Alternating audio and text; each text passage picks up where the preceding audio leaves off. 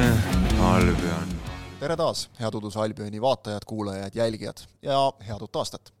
me olime viimati teiega päris tükk aega tagasi, ajaliselt ei olegi sellest nii palju möödas, aga kuna Inglismaal mängitakse jalgpalli pühade ajal päris palju, siis on mängitud ka seekord.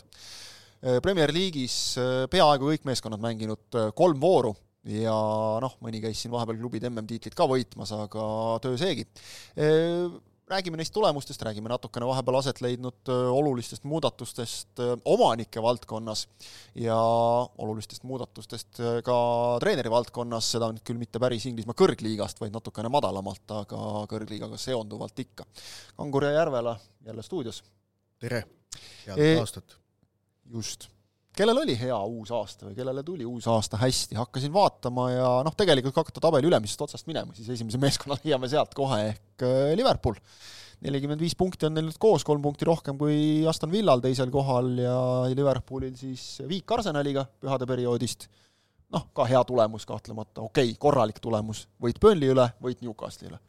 jah, no tegelikult Liverpool läks jõuludele vastu ikkagi sellise noh, mõrk ja tun-, tundega mm, -hmm. sellepärast need järjestikused viigid Unitedi ja Arsenaliga, äh, noh, mõlemas mängus nad olid ikkagi ju üle.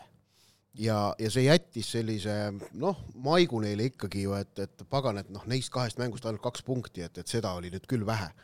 aga, aga nad on seejärel võtnud kaks äh, head võitu ja, ja nad on praegu liidrid ning äh, ütleme, see aimdus, et just Liverpool on Manchester City peamine Äh, selline noh, noh ohustaja äh, käimasoleval hooajal, mis, mis hooaja eel ja alguses ikkagi oli päris sageli seda nagu kuulda oli, siis see paistab, et osutub tõeks, ehk et äh, noh, nüüd ja, ja mille pealt see ikkagi tuleb, siis meenutame seda, et noh, Liverpool eelmine hooaeg lõpetas ju viienda kohaga, mis oli neil Jürgen Kloppi ametiaja kõige kehvem positsioon, kui me võtame siis need täishooajad, kus on tema all mängitud ehk et eelmine hooaeg ikkagi Liverpool mängis, ei suutnud, ei suutnud oma taset kaugeltki välja mängida, erinevatel asjaoludel äh, see kõik niimoodi juhtus, aga juhtus.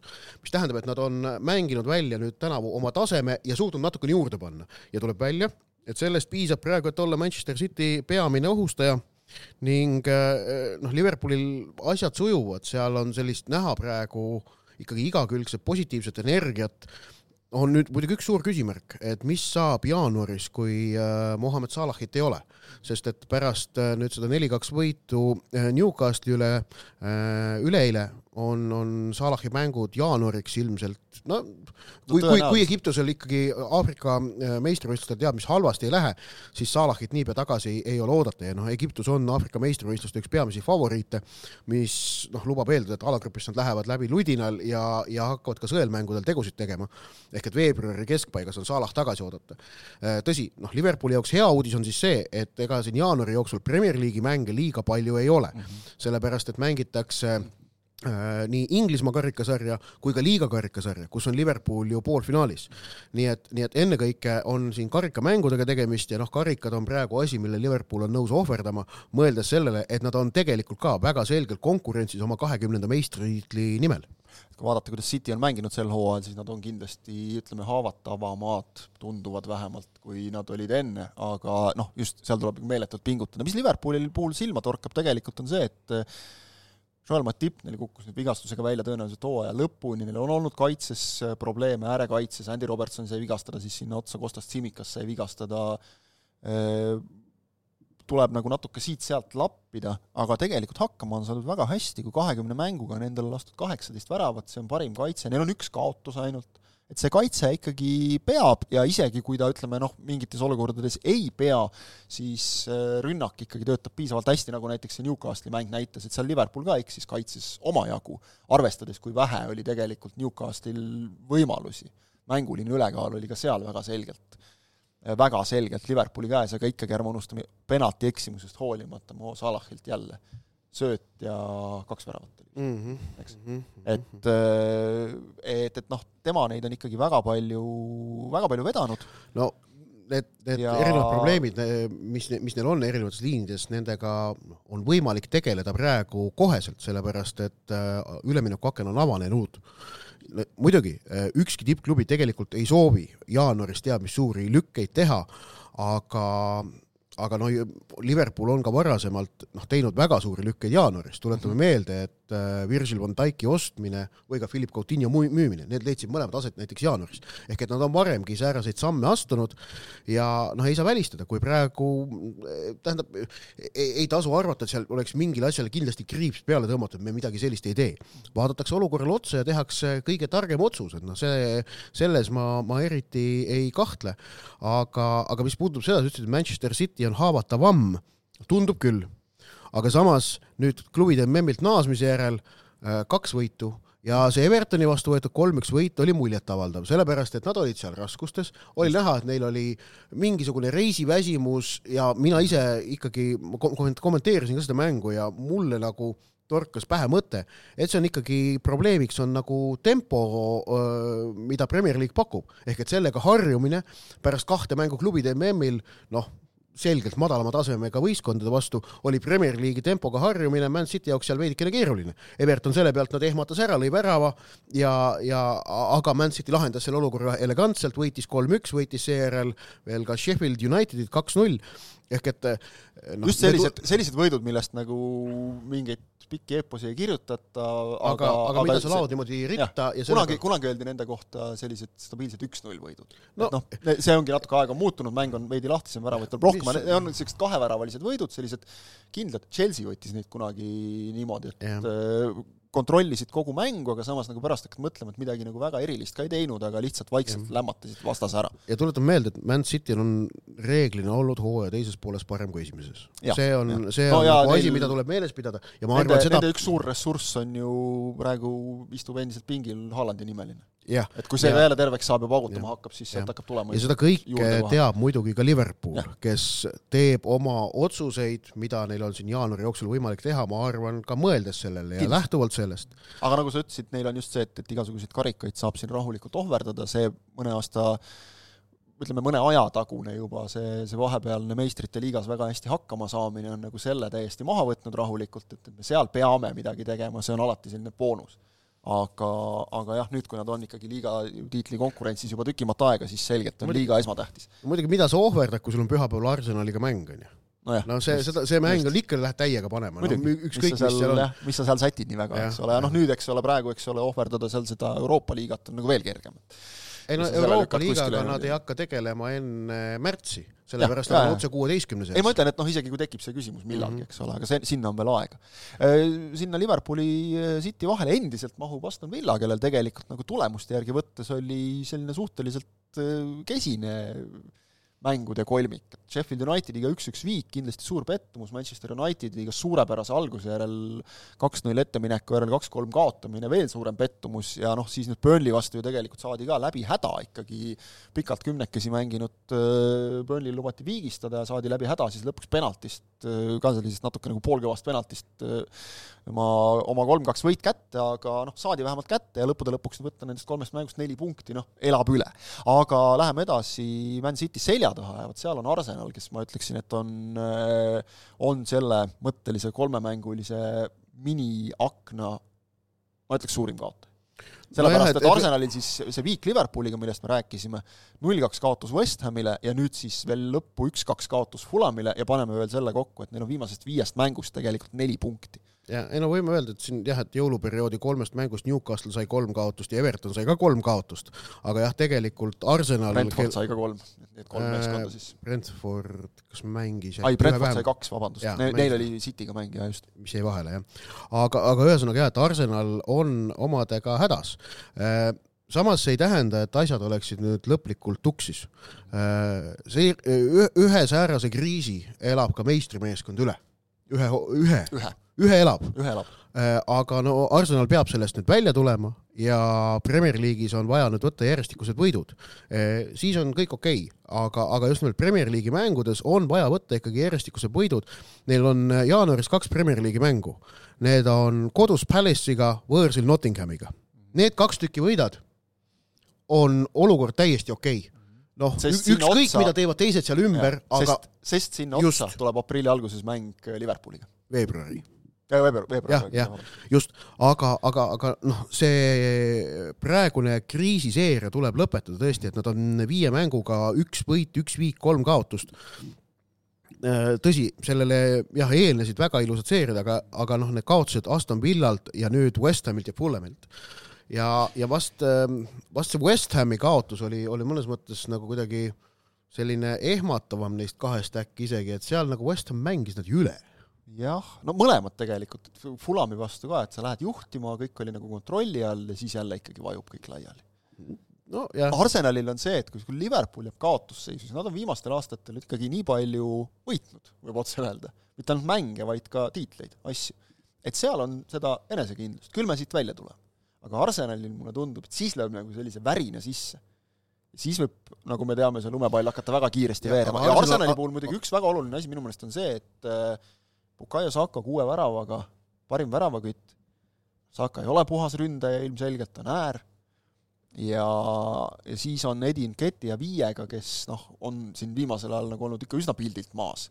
et kui me räägime, sa, sa mainisid siin nüüd seda avanenud üleminekuakent, et noh, on räägitud äh, Arsenalist, et võib-olla oleks vaja endale ründaja tuua, äh, Brentfordi Ivan Toney, kes saab oma mängukeelust nüüd vist jaanuari lõpus, kui mul mälu ei peta, vabaks lõpuks, oleks üks variant, kellest on väga palju räägitud, aga minu meelest see oleks ka selline üsna mündivise jälle, et äh, tood mehe, kelle eest ilmselt Brentford oskab ka küsida, ja mehe, kes, okei okay,, ta on teinud küll nagu meeskonnaga trenni, minu teada see ei ole tal keelatud, aga noh, ta ei ole ikkagi tükk aega mänginud, kellega läheb jälle võib-olla aega. teisest küljest on tal liiga tuttav, tal on kindlasti tahtmist ennast tõestada meeletult, et see on nüüd selline otsustamise koht. aga riskida või mitte. mis siin Liverpooli ja Arsenali eristab, on see, et äh, vaatame natukene nende põhikoosseisude keskmisi vanuseid või vaatame mõnede põhitegijate, et noh, et Liverpooli kandvad jõud. Salah kolmkümmend üks, Van Dijk kolmkümmend kaks, ähm, Allison kolmkümmend üks, äh, Trent kakskümmend viis, noh, võtame, võtame praegu need, on ju, või, või tegelikult viimasel ajal on tõusnud kesksesse rolli ka Wataru Endo, kolmkümmend, tõsi, tema läheb ka Aasia meistrivõistlustele ära, aga okei okay., ja paneme Arsenali. Äh, võtame näiteks kaitseliini, Arsenali kaitseliin, Saliba äh, kakskümmend kaks Gabriel, okei okay,, kogenum, kakskümmend kuus, ähm, aga, aga siis on White kakskümmend kuus või võtame keskväljalt ja rünnakult, noh, Rice kakskümmend neli, Saka kakskümmend kaks, Ödegaard kakskümmend viis, no nad on, see, see võistkond on noorem, Havertz jah, tundub, et on juba kogenud, et tegija, tegelikult kahekümne nelja aastane, seal, seal on igasugust kogemust ikkagi vähem, kui on äh, Liverpoolis. ja ma arvan, see on see võtmeasi, kui sa ütled, vaata, et Liverpool ei hakka paanitsema, kui neil midagi, olukord on keeruline, siis Arsenalis paratamatult sellel võistkonnal sellist kollektiivset võidu äh, või, või enesekindlus ja võidumälestust ja elamust on ilmselt vähem. Vähe. vähem. Ja, ja see põhjustabki neile probleeme, aga noh, see on siis nüüd Mikel Arteta treeneri oskuse äh, küsimus, kas ta suudab võistkonna sellest noh, kuidagi öelda künkast üle aidata, sest noh, võimeid pole tegelikult Arsenal nendes kahes eelmises mängus suutnud välja mängida, West Hami ja Fulhami vastu. Nad on seal olnud mingit pidi krampis, mingit pidi midagi on nagu kännu taga kinni olnud ja noh, kui su, kui sa oled seal kännu taga kinni, siis tõesti tiitlivõitjaks ei tule. ja noh, Arsenal mängib tiitli peale, see on, see on noh, selgelt ju näha kogu selles olekus, võtame eelmise hooaja tulemuse -hmm. see paneb konteksti Arsenal ja, ja just nimelt selle, et Man City on tänavu haavatavam olnud, Arsenal tajub, et neil on tiitlivõimalus, muidugi neil on see jätkuvalt olemas, aga nad peavad hakkama esinema palju sagedamini oma võimete piiril, kui praegu on suudetud. just.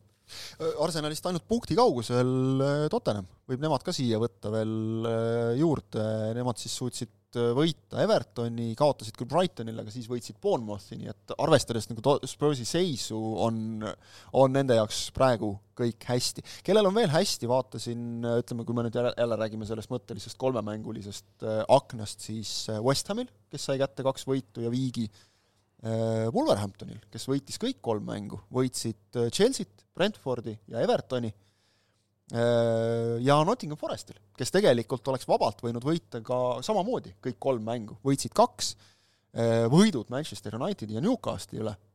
Ja, ja Foresti kaotus tuli Bournemouthile, mis tuli tegelikult, noh, siin ei ole isegi midagi arutada, see oli täiesti selgelt valesti antud punane, sest et Willie Bolli teine kollane kaart, mida Varr ei saanud üle vaadata seetõttu, oli, oli kohtuniku eksimus. Ja ja, ja nad pidasid väga hästi selles mängus vastu, jõudsid veel viigini isegi ja siis lasid ikkagi üleminutitel Dominic Solankil lüüa, lüüa kolm-kaks, ehk et tegelikult neil võiks ka olla seis palju parem, seal. Nuno Espirito Santo vana hea, see uue treeneri efekt, see, see töötas aga sellega nad on tõstnud ennast kohe palju turvalisemasse tsooni. ja suurimad kaotajad siis jah, Arsenal, Newcastle kindlasti kolm kaotust, vahe nüüd neljanda kohaga hoobilt üksteist punkti, ehk ja tegelikult Newcastle... olgem ausad, selles konkurentsis unustage ära oma meistrite liiga, siis loomulikult Manchester United, üks võit, kaks ja. kaotust ja Brentford, kellest oli juba juttu no, kellel on viis no, kaotust järjest kirjas äh,. Viis kaotust järjest ja kaheksast viimasest mängust äh, üks võit mm., see ka Lutoni üle ja seitse kaotust ja vaatasin, mis neil on jär-, Brentfordil järgmised kuus mängu. Forest, kes on heas hoos, Spurs, Man City, Wolves, kes on heas hoos, Liverpool ja West Ham. ehk päris raske graafik. järgmised kuus liigamängu, aga muidugi, see on nüüd juba, vaatad, et järgmised kuus mängu ja me jõuame juba veebruari lõpuni, et selle ajaga võib veel väga palju muutuda. ja siin on, kas Toomas Frank või Eddie Howe tundub olevat järgmine peatreener, kes äh, ametist priiks saab mm. -hmm. ja no Eddie Howe osas spekulatsioonid tegelikult käivad, mis on selles mõttes äh, no kui, kui Newcastle suudab nüüd äh, sellele kiusatusele vastu panna mm -hmm. ja Howe äh, tiimile äh, truuks jääda ja selle hooaja praegu nii-öelda noh, korstnasse kirjutada mm, -hmm siis äh, see oleks selline, kuidas öelda, värskendav hoiak ja suhtumine. Äh, noh, jätkuvalt on päris keeruline teha etteheiteid peatreenerile olukorras, kus terve klubi või teha etteheiteid ainult peatreenerile, ütleme niimoodi, kus terve klubi tegelikult ei olnud valmis selleks, mis kaasneb meistrite liigas mängimisega. ja ennekõike see emotsionaalse energia kulu, mida see tippmine eurosarja endaga võttis Äh, pluss neil ja, on ka olnud, olgem ausad, vigastusi päris palju. ja ei no vigastustega on neil olnud äh, probleemid, see võistkond oli niikuinii üpris õhukene, nad ei saanud ja ei ole tahtnud seda väga jõuliselt üles äh, ka kloppida, sellepärast et äh, ei ole ei... saanud, on õigem, sellepärast et Hau just mainis, me ju eeldame, et noh, raha on nagu ratsahobuse sedasamust, eks ole. Yeah.. et võiks ju pilduda, aga Hau ütles, et sõbrad, financial fair play jah, et nad ja ei nad saa. ei taha sellega pahuksisse minna, ehk selgelt hoitakse nagu noh, alati saaks ju teha Man Cityt ja pead... skeemitada midagi äh,. hoitakse nagu jah. rahulikku joont ja, ja ta ütles nagu kohe, et unustage ära, et jah, meil on vigastusi, meil on praegu väike kriis, aga et, et seda ei juhtu, et siin hakataks no, just, rahapakkidega mängijaid püüdma. Äh, siis tekib äkki küsimus, et, et aga kuidas siis Newcastle selle Saudi Araabia raha äh, maksma paneb äh,? sa pead ehitama üles võimsama äri see terve su klubi peab olema suurem äri. Äh, leiad sinna toetajaid, sa leiad, kasvatad brändi, seeläbi suurendad iga erinevaid äh, noh, tuluallikaid ja niimoodi on võimalik lõpuks see raha mängima panna. et me oleme kiitnud, eks ole, just seda, kuidas Newcastli puhul on äge siin kas või seesama meistrite liiga, et noh, tribüüni täidavad kohalikud, mitte turistid, aga see on nüüd see paradoks, eks ole, et kui sa tahad olla brändina edukas, siis pead sa suutma tõmmata ligi ka mitte ainult kohalikke, vaid nagu väljastpoolt ka inimesi natukene nojah, Newcastle geograafia nende kasuks muidugi ei mängi, et seal lähedal midagi muud ei ole, et Manchesteri sõitmine on mõnevõrra lihtsam, seal on midagi enamat ka teha kui Newcastle'is, aga, aga ühesõnaga jah. üldse seal piirkonnas, eks jah, ole. aga, aga jah, Newcastle ja Brentford on need, kelle treeneritest praegu kahe kahtlusega räägitakse, et kaua nad jätkavad kui Eddie Howe peaks kaotama näiteks siin nüüd karikamängus Sunderlandile, siis kindlasti läheks vallandamine oluliselt lihtsamaks. jah, seda küll, jah. see oleks kindlasti kergem. Vaatasin veel tabeli tagumist otsa, et, et see Brentford, okei okay,, neil on üks mäng varuks, et, et see nende halb vorm on tegelikult seal tekitanud ka päris huvitava olukorra, neil on üheksateist punkti, Evertonil kuusteist, Lutonil, kes on mänginud väga tublilt, võitsid siin ju Newcastle'it ja kedagi veel. kaks võitu nad said igatahes mm. -hmm ja, ja siis äh, olid tegelikult väga lähedal Sheffield United võitsid ka. just, jah, väga oluline võit Sheffield Unitedi vastu. ja olid ju väga lähedal tegelikult, et äh, Chelsea vastu ka täitsa lootusetuna tundunud seisust välja tunda, tulla, et, et noh, Chelsea on ka selline meeskond, et kui sa nagu need autotuled neile peale keerad, siis on selline hirmunud jänes seal valgusvihus. aga, aga siis tulevad Burnley üheteistkümnega, Sheffield United üheksaga, ehk et noh, tegelikult nagu ka päris kõik kadunud veel ei ole, ehk et see tagumine ots on läinud päris põnevaks, aga noh, sinna on nii palju minna veel, et äh, Premier ootame ja vaatame. Premier League'i sellist ikkagi sügavust praegune tabeliseis väga kenasti piltlikustab, sellepärast ja. et meistrite liiga alagrupi turniiril käimasoleval hooajal mänginud Man United ja Newcastle United paiknevad tabelis kaheksandal ja üheksandal kohal ning kahe tuhande kahekümne esimese aasta Euroopa meistriklubi Chelsea on kümnes. jah, no Chelsea'l ja on omad no mured ja, ja ei no selge, ei aga... me saame, neil kõigil kolmel on Jah. omad mured. aga vot see vaatepilt ongi Premier League'i kaubamärk. just. see on see, See- ja mille pärast ausad, nad, nad, nad, siin pühade ajal oli ka nagu näha, et mitte ühegi mängu puhul sa ei saa midagi eeldada. kogu aeg need kaalud käisid üles-alla tegelikult. no jah, jah. et see, see on jah, nende, räägib nende kasuks. aga Manchester Unitedit sa mainisid, lähme nende juurde korraks, siin oli üks naer saalist oli meil üks lugeja küsimus ka, Jack küsis, et millal Manchester United oma, ma vaatan korraks, kuidas see sõnastus oli. oli vist see, et see sõnastus on oluline. kas Manchester United saab ründeliini täielikult käima? ma natukene siin parandaksin, et see on ekslik, et see täielikult noh, on küll selgelt liialdus, et kas nad üldse selle käima saavad, see on nagu esmane ülesanne. siis vaatame edasi sest et Manchester Unitedi löödud väravate arv kakskümmend kaks, sellest on lausa kahel meeskonnal vähem, need on Sheffield United ja Burnley, kes on tabeli kaks viimast meeskonda mm. -hmm. ehk äh, ikka päris, päris õnnetu on see asi ja, ja noh, täpselt nii neil läks ka siin üles-alla, et et, et tuli, näidati sisu Aston Villa vastu ja siis näidati, et seda sisu ikka üldse ei ole järgmises mängus ja, ja tuli jälle sealt äh, Forestilt selline mannetu kaotusvärav tuli ka vastase kingitusest. aga eh, hoolimata sellest, et neliteist kaotust eh,, mingil hetkel neil oli viimati nii halb algus vist aastal tuhat üheksasada kolmkümmend, mingi selline no see neliteist okei okay, on kalendriaasta, mis on jalgpallis tegelikult minu meelest täiesti mõttetu äh, mõõteühik. No, nõus, nõus, aga noh, ütleme loeb hoo, hooaeg, aga no ka käimasolev hooajal kahekümnest mängust üheksa kaotust on, on see, mis asi mind kõnetab. oot, kas neliteist, ma mõtlen? Premier League'is neliteist ilmselt jah, kõikide sarjade peale kokku rohkem. Premi-, oot ma vaatan korraks, mis neil Premier League'is on praegu? praegu on üheksa sel hooajal. siis see oli Premier League, siis oli see sel, sel hooajal kõigis sarjades neliteist mm.. mujal on ju ka pähe saadud. et jah, see oli ikka selle hooaja lõikes, kõigis sarjades neliteist ja meil on aastavahetus. et noh, see on ikka juba, ärme võrdleme siin mingi minevikuga, see on halb nii või naa.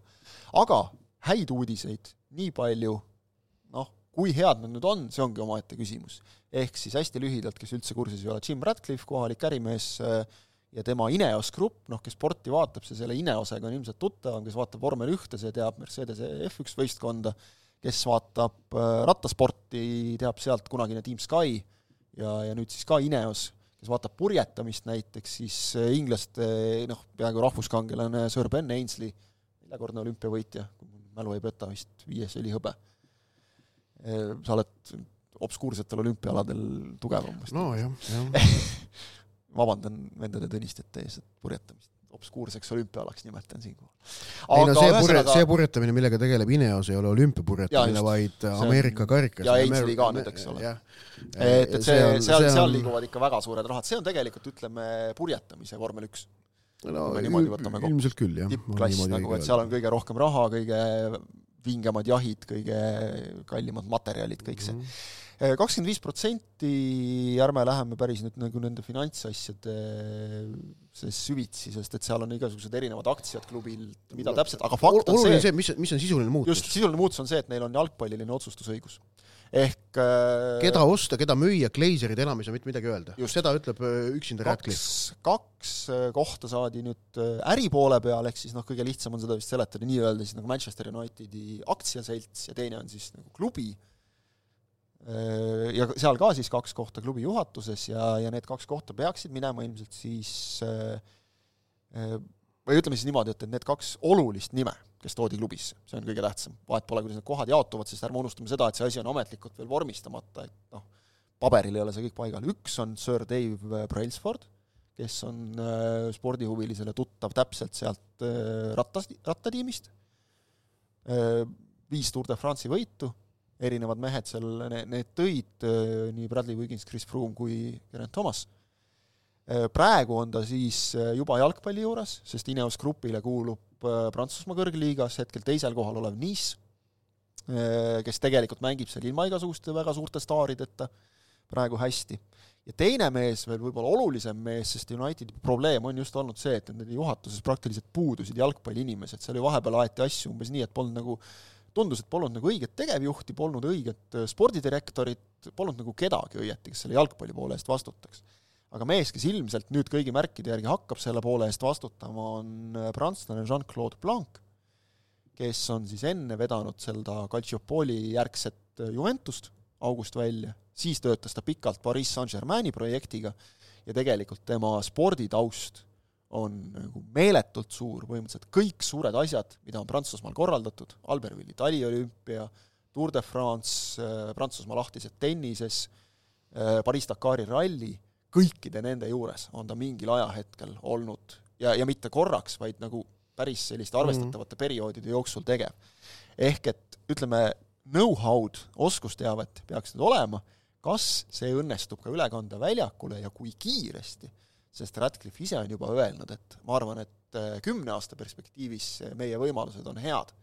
ma ei räägi kahest aastast, ma räägin kümnest aastast. see on kindlasti jutt, mida Manchester Unitedi fännid kuulda ei taha, aga see on reaalsus, sest Unitedit äh, vaevab ka see, et Old Trafford vajab kaasajastamist, seal tundub küll suur summa, et sinna lubatakse panna infrasse lähiaastatel kolmsada miljonit naela, aga noh, tegelikult on seal vaja sellele veel üks ette kirjutada, siis hakkab võib-olla nagu no tegelikult tuleks, tegelikult tuleks see staadion muidugi maha lammutada ja uueks ehitada, sellepärast et vana renoveerimine reeglina on sama kallis kui uue ehitamine. mingeid plaane on joonistatud, kus seal kõrval tegelikult nende suur pluss on see, et kui näiteks Chelsea on olnud hädas sellega, et noh, ei ole ruumi lihtsalt suuremaks ehitada, isegi kui tahad suuremaks ehitada siis äh, Manchester Unitedil seal kõrval peaks olema mingisugune parkla või mingi ala, mida nagu saab, kui saab uue staadioni teha. Aga no, noh, keeruline ta saab olema kahtlemata. Ja, ja ütleme, vaata Londonis oli lihtne, et, et noh, kui siin Londoni klubid on teinud, eks ole, siis mindi olümpiastaadionile vahepeal näiteks. Wembley'le, või Wembley'le või, või kuhugi mujale, eks ole.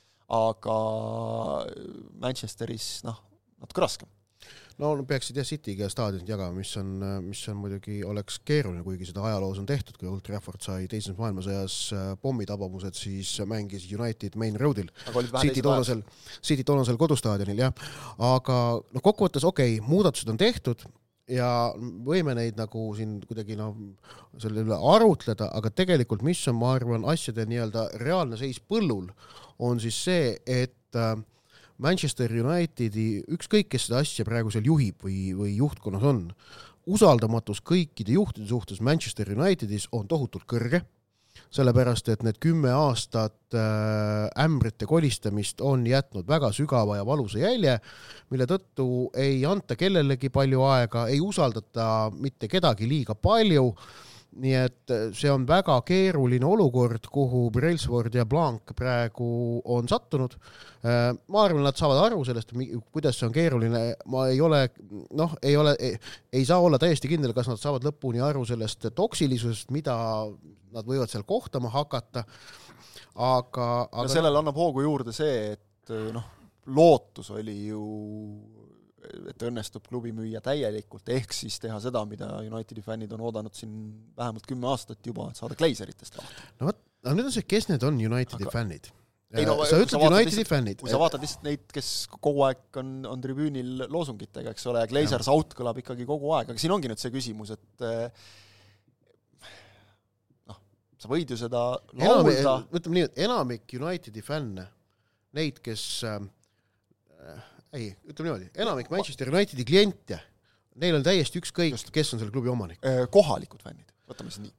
enamik või no ütleme, arvestada osa kohalikest. arvestada osa kohalikke fänne on, on siis, aga, aga jah, sul on õigus, et, et kui me räägime, eks ole, nagu fännidest äh, klubi, jaa, sest siis... klubi võtab kõiki neid inimesi, keda nad nii-öelda oma teenusega kõnetavad, siis enamikel neist on ükskõik, kas no, Gleiserid on omanikud või mitte. Gleiserid on sellest väga hästi aru saanud ja vastavalt ka tegutsenud. ka neil on sellest ükskõik, et mingi nende jaoks ikkagi ja suures plaanis väike seltskond neid südamest vihkab mm. -hmm. Nemad ja. võtsid selle klubi ikkagi äriprojektina ja, ja nii nad sellega tegelevad ja neid ei huvita, mida neist arvatakse. nii et ma arvan, et mingit äh, teab mis kiiret muudatust Unitedis näha ei ole, sellist äh, võimsat asja ei ole võimalik kiiresti ümber häälestada. Sellist kaubarongi nagu, mis ütleme, kuhu peale on lükatud väga erinevaid mängijaid, äh, väga imelike hinnasiltidega ja nii edasi, et, et seal, seal probleeme on rohkem ja, ja noh, jah, kuidas seda jalgpalli poolt nüüd hakata seal muutma, noh, muud ei oska öelda, kui et jõudu tööle mm. -hmm. Kui rääkida treeneritest ja tööst. ja tööst, siis äh, ei saa, Wayne Rooney'le ei saa enam öelda jõudu tööle, sest tööd ei ole jah jõudu ka ei olnud eriti, kaheksakümmend kolm päeva jõudis ta siis olla Birmingham City peatreener, selle kohta siin laenata Eesti teleklassikutelt, siis see oli nüüd geniaalne lüke klubi omanikelt, et Äh, vahetad välja peatreeneri, tõmbad sellega enda kaela, eduka peatreeneri siis, tõmbad endale sellega kaela fännide viha, aga see-eest lähevad ka tulemused kehvemaks mm. -hmm.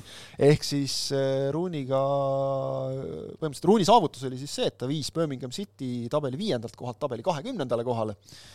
Äh, mänge oli kokku viisteist, võita õnnestus neid kaks, kaotada üheksa ja nii ta läks. Yeah.. et, et Rooney sai ametist friiks ja noh, tegelikult kui nüüd vaadata Rooney käekäiku, hea küll, Taavi Countiga nagu paberil tundub hästi hirmus, esimene hooaeg äh, napilt jäädi püsima, kaks, kaks punkti joonest, järgmine hooaeg kukuti äh, esiliigast välja Liigu Anni, seal olid äh, tegelikult... suured administratiivprobleemid, tegelikult tegi Rooney seal korralikku tööd isegi, jäädi nagu pigem rahule. ja, ja ikkagi väikese plussmärgiga, sellepärast et noh, tal ei olnud võimalik seal võistkonda muuta, Tarbil olid väga ranged piirangud peal no,. ta tegi, ta tegi ikka sõnnikust, sõnnikust sai ju. ja, ja, et seal ta tegelikult tuli ikkagi selliste korralike paberitega läbi sellest tööst ja, ja see pälvis tunnustust selle töö eest, jaa. siis läks äh, USA-sse äh,, DC United esimene hooaeg äh, viimane koht, siis oldi, keegi arvutas välja, kahekümne viiest äh, MLS-i võistkonnast kahekümne kolmas koht tulemuste põhjal, noh, see on natuke meelevaldne, seal on teatavasti konverentsid, sai kinga. nüüd siis Birmingham, kaheksakümmend kolm päeva, viisteist mängu, sai kinga. Äh, lihtne küsimus, kuhu edasi ja kuidas edasi?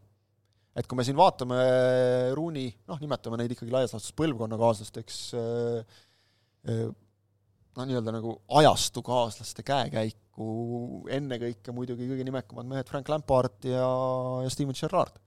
siis neil on ka läinud ju tegelikult niimoodi, et esimene töö okei okay, või isegi parem kui okei okay., Gerrardi puhul näiteks tuli ikkagi Šotimaal Rangersiga meistriks mm, -hmm. Lampard viis Taabi play-off finaali, kahtlemata korralik saavutus, siis äh, no, Lampard põrus Chelsea'ga ja seejärel Evertoniga Gerard põrus äh, Aston Villaga, on nüüd Al Etifakiga tabeli keskel seal kuskil, noh, siin tuleb arvestada, et Saudi Araabias Al Etifak ei ole üks neist neljast riigi osalusega klubist, et see on noh, okei okay tulemus nagu, aga äh, nägime ka, kuidas Gerard ja Lampard on olnud tegelikult siin nii mõnegi Premier League'i klubi puhul kogu aeg nagu radaril siis, kui tegelikult nagu päriselt läheb peatreeneri, järgmise peatreeneri võtmiseks siis ei räägi neist keegi jah, Lampardiga täideti ära Chelsea nii-öelda auk eelmise hooaja lõpus, kui oli vaja kedagi, kes seal üleüldse selle võistkonna no, eesotsas oleks. maakeeli öeldes oli vaja üks loll leida ei no mitte loll, aga seal oli see, et noh, Lampard nagu ta ütles no, ka, et ta ei saa ei öelda, kui Chelsea kutsub. jaa, ei no jah,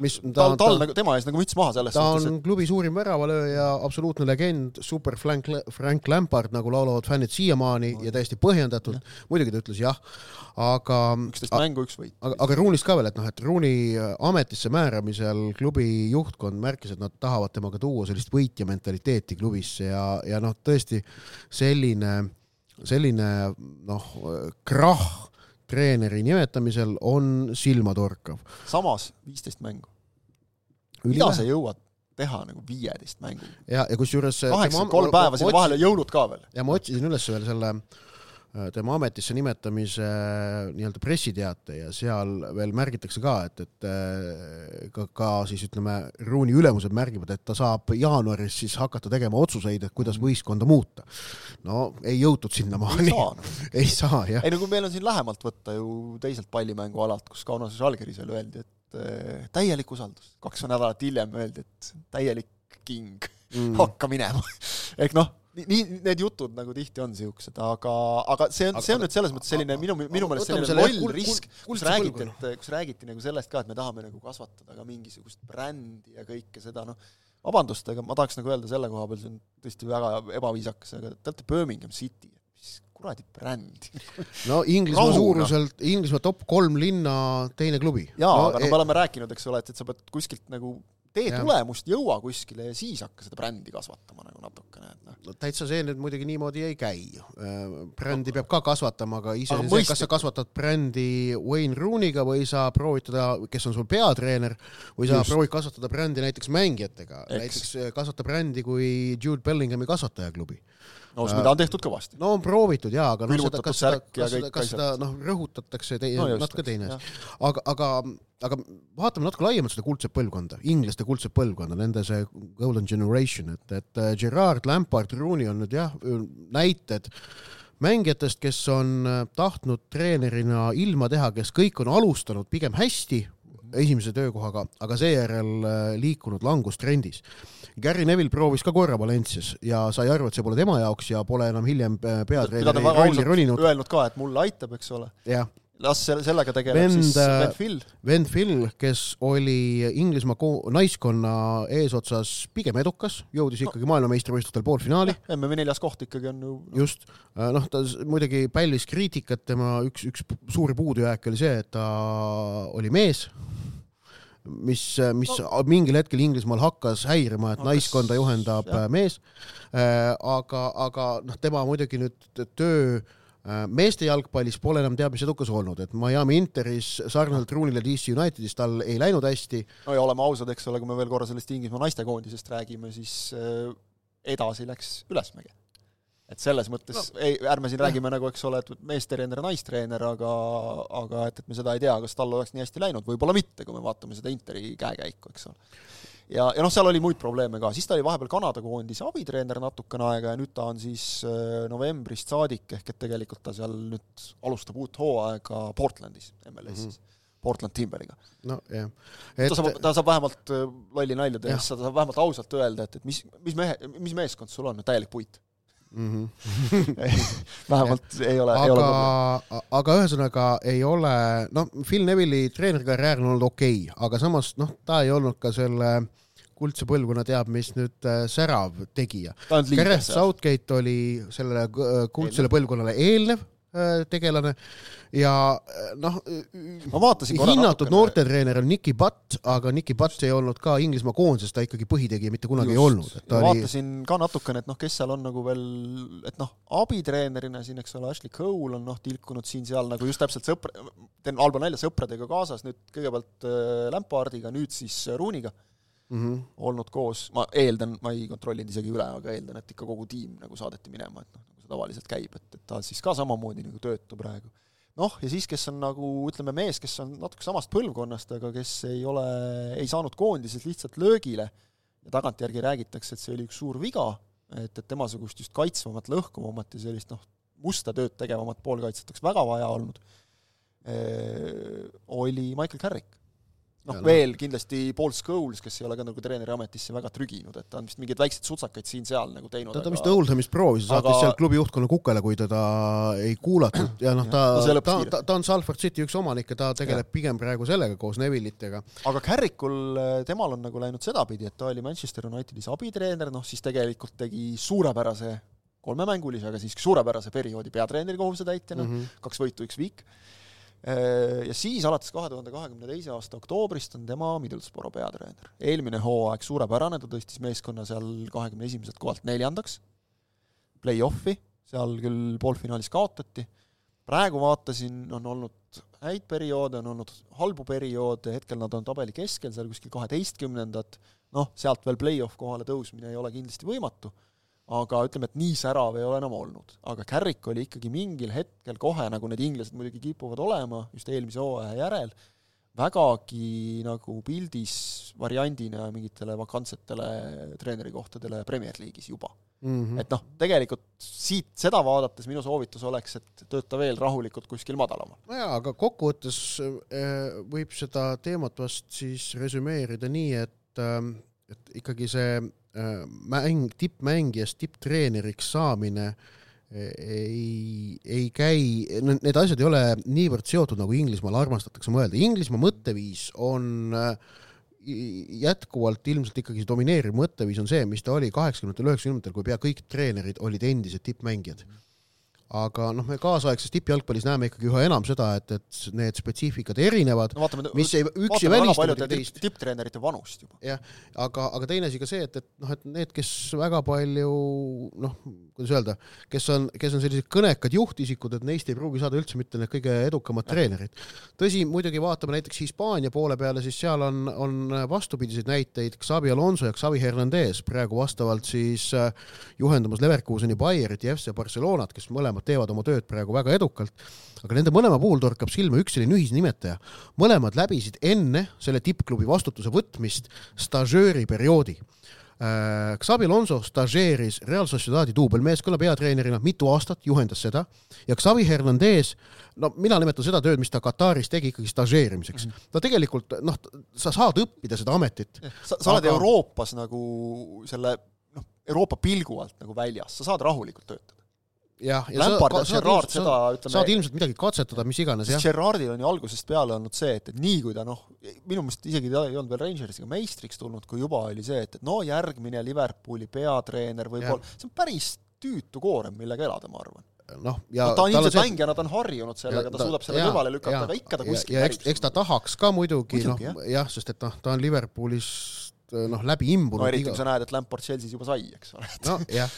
tahaks ka proovida. aga praegu on see, et noh, mis on, mis on variant, et Liverpool vastutustundliku otsuse kaudu nimetaks Steven Gerrard enda peatreeneriks, noh. kui nad oleksid kuskil, no, eks ole, seisus, nagu nad olid, ma ei tea, siin kunagi Roy Hodgsoniga, eks ole, et noh, mis siin ikka nii väga hullemaks saab minna, tabeli keskel ikka hoiab meid, äkki läheb hästi. jah, et, et noh, siin peaks Liverpooli minema praegu. oluliselt kehvemaks olukord ja Gerrardi oma oluliselt paremaks, et midagi säärast võiks juhtuda, et no Gerardi tuleb minu meelest kõigepealt saada sealt äh, Saudi Araabiast tagasi kuskile Euroopasse ja ikkagi nüüd ennast natuke tõestada veel, et siis on see siis Inglismaal, on see kuskil mujal, eks ole. jah, aga äh,, aga jah, see komplekt Rooney, Lampard, Gerard, et kuidas neil kolmel praegu viimase aasta jooksul treeneritöö on läinud, on päris äh, selline ehmatav, õpetlik, mõtlemapanev näide. just, ja noh, sinna hispaanlaste juurde võime veel tõsta sellesama Arteta, kellest oli juba juttu, kes stažeeris Guardiola käe all abitreenerina, võib seda ka nimetada nii ja samas miinuspoolelt hea näide näiteks tohutult hea mängija Andrea Pirlo, kes äh, sai minu meelest algul liiga suure töö. tassi nüüd Juventust mm -hmm. Võrus ja no tal oli vist, mis ta oli, mõned päevad jõudis olla duubelmeeskonna peatreener ametlikult, siis nimetati juba esindusmeeskonna peatreeneriks, noh, tsiteerides ühte Eesti spordiajakirjanduse klassikut, siis kurat, päris nii need asjad ikka ei käi armastas öelda Peep Pahv mm. -hmm. aga nüüd Pirlo näiteks vaatasin Sampdorias praegu, noh, seal on ka see, et hea, et see klubi üldse pankrotti ei läinud, et nad on kuskil seeria B keskel, aga ma usun, et seal ta saab palju rahulikumalt töötada. ja noh, võib-olla veel üks hea näide lihtsalt vendadest Inzagidest, et, kellelt nagu mängijana oodati rohkem, Filippolt, temal on olnud rohkem võitlemist praegu, et ennast tõestada, ja Simone samal ajal tõusis nagu peaaegu et märkamatult treeneri ametis kohe kiirelt, üsnagi kiirelt tippu ja on seal püsinud ka. edukalt püsinud, jah. edukalt püsinud. et, et see nagu ongi ikkagi noh, mis me vist võime järeldada, on see, et, et treeneri amet on tänamatu, täis igasuguseid karisid ja kui sa mingilgi moel põrud, siis sealt ikkagi nagu välja tulla ja mulle tundub, et eriti just inglasel, inglasest treeneril, paganama keeruline mm. -hmm.